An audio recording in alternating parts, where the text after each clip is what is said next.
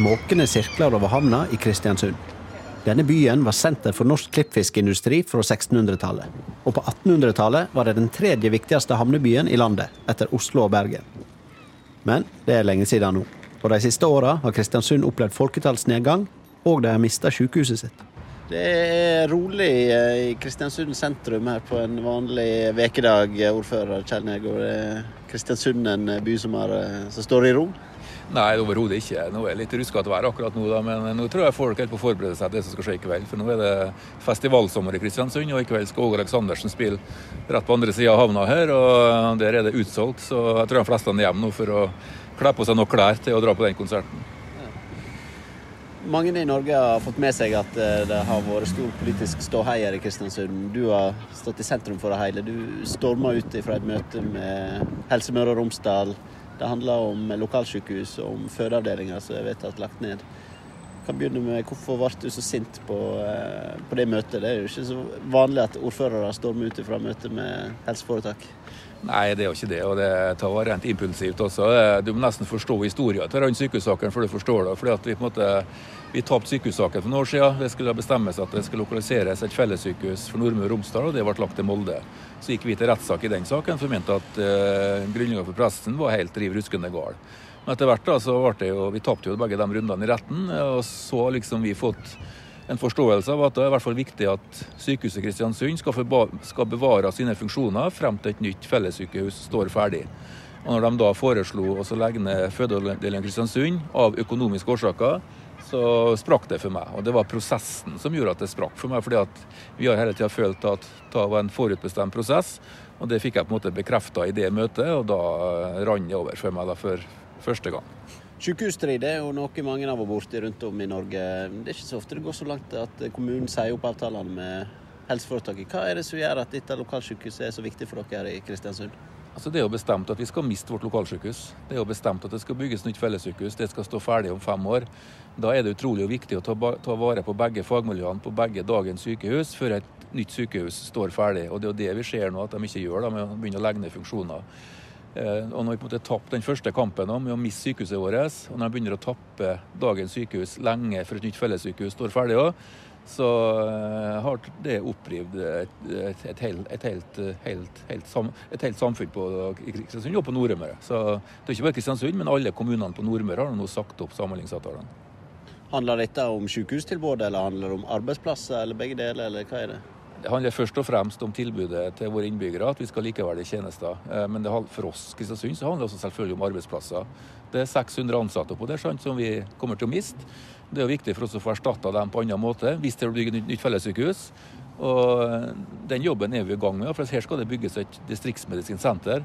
Men da er det viktig at de funksjonene vi har i dag, blir ivaretatt til det sykehuset står ferdig i 2023-2024, altså om fem år. Og Det er jo det vi erfarer nå, at eh, de er på vei til å gå bort ifra det. Og Bakteppet er vel òg at folketallsutviklinga de siste par åra har stagnert her i Kristiansund. Dere er kanskje redd for framtida? Ja, altså vi har jo merka oljenedturen kraftig i Kristiansund. Den kom jo sånn 2014-2015. Da stagnerte, da flata innbyggerveksten ute i Kristiansund. Nå, eh, Vi hadde en liten nedgang av et par år, men nå har vi på en måte begynt å gå litt opp igjen. I hvert fall flata ut. For at oljen er på vei opp, og da er det viktig at vi beholder mest mulig arbeidsplasser, også de offentlige. da. Og Nå har dere fått en bunadsgerilja. Hele lokalsamfunnet engasjerer seg. Det er ganske sterke følelser i Kristiansund akkurat nå? Ja, klart det. Bunadsgeriljaen starta med ei dame, Anja Solvik, som sto på sykehuset i bunad.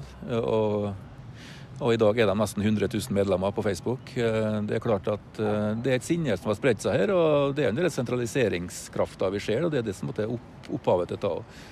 Eh, og så er det spesielt at det er et fødetilbud. Når de først skal spare penger, så er det et fødetilbud de foreslår å legge ned.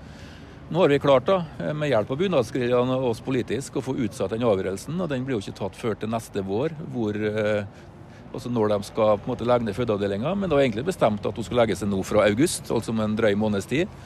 Nå har vi i hvert fall utsatt det i over et år, og så får vi bruke tida frem til våren, da de skal bestemme seg, til å få dem til å forstå at de kan ikke legge ned fødeavdelinga før et eventuelt nytt sykehus står ferdig.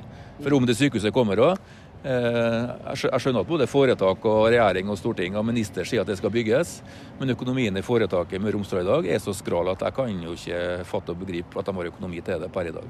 Dere har vært i rettssak nå, helseforetaket, og som du sier, fått utsatt saka. Det er ikke litt sånn at dere nå eh, snart må gi opp og gå videre og tenke at eh, dere må heller fokusere på framtida og på eh, nye arbeidsplasser på andre måter? Og så har jeg stor respekt for politiske vedtak. Det er bestemt at det skal bygges et nytt fellessykehus på Hjelset, og det skal bygges et DMS i Kristiansund. Det er bestemt.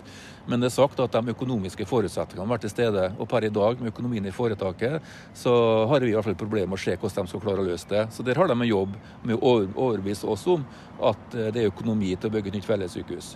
Og så forstår jeg at det kan komme. Og den dagen heisekranen står på Hjelset og det nye sykehuset blir bygd, så må vi også forstå at eh, det kommer.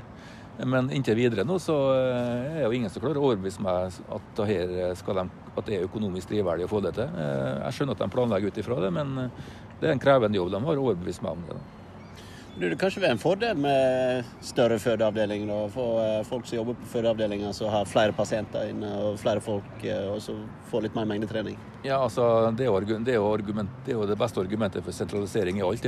Altså, det beste ville ha hatt ei fødeavdeling i hele landet. Men den største risikoen ved fødende, det er avstand.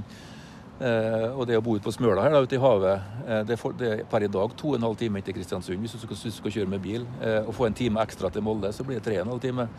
Det er like langt som å kjøre fra Oslo til Arendal i tid. Så eh, folk kan jo bare tenke seg avstandene her, da. Det vi ser nå i offentlig sektor rundt omkring i landet, det er jo en sterk sentralisering. Jeg selv jobba i Nav i 26 år og ser også den sentraliseringa som skjer der. Og Det skjer ofte under den politiske radaren, og det skjer internt i organisasjonene. Og det, det, og det bekymrer meg da, at uh, det å være robust betyr på en måte at du skal, skal sentralisere. Men det er jeg ikke alltid enig i. Vi har mange gode eksempler på det, at det å legge statlige arbeidsplasser også ute i distriktene eh, kan være veldig bra. Vi har Leikanger, vi har Bjørnevatn i Finnmark og mange andre plasser som har fått tilført store mengder offentlige arbeidsplasser, og det har gått faktisk veldig bra.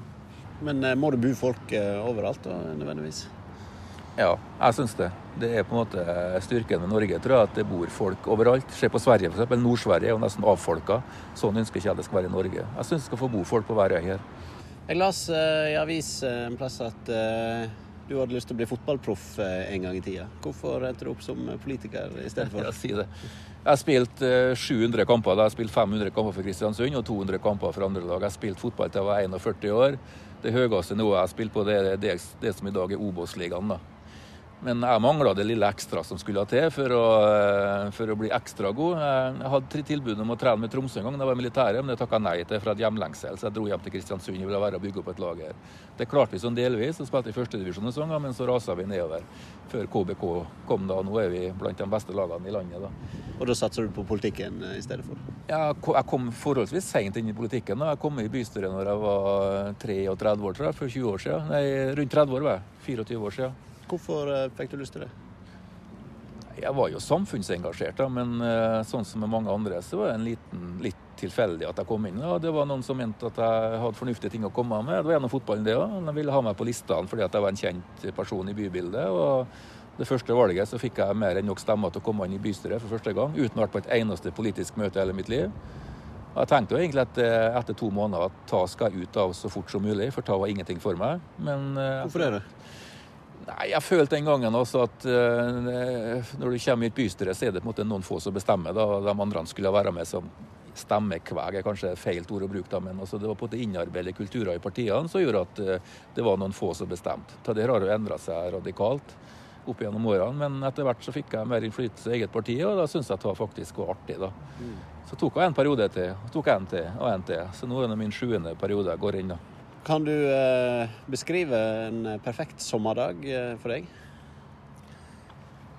Ja, det, det kan være en, eh, en, søndag der jeg er på hytta. Da. Vi har hytte ca. 40 minutter herfra hvis det er finvær der, og får gå en tur opp på fjellet. Og så i flott, fantastisk vær sette seg ned og ta en pause oppå der.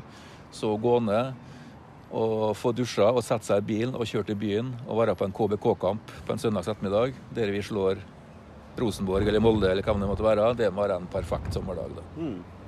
Skal du bruke fly når du skal på ferie i sommer? Egentlig hadde vi ikke tenkt å dra på ferie i år, men vi var ikke på ferie i fjor pga. min jobb. Så jeg har fire barn som eh, ikke stunder ut hvis de skal bare gå hjem i sommer. Så vi skal ei uke til Kreta, og da velger vi å fly. Har du flyskam?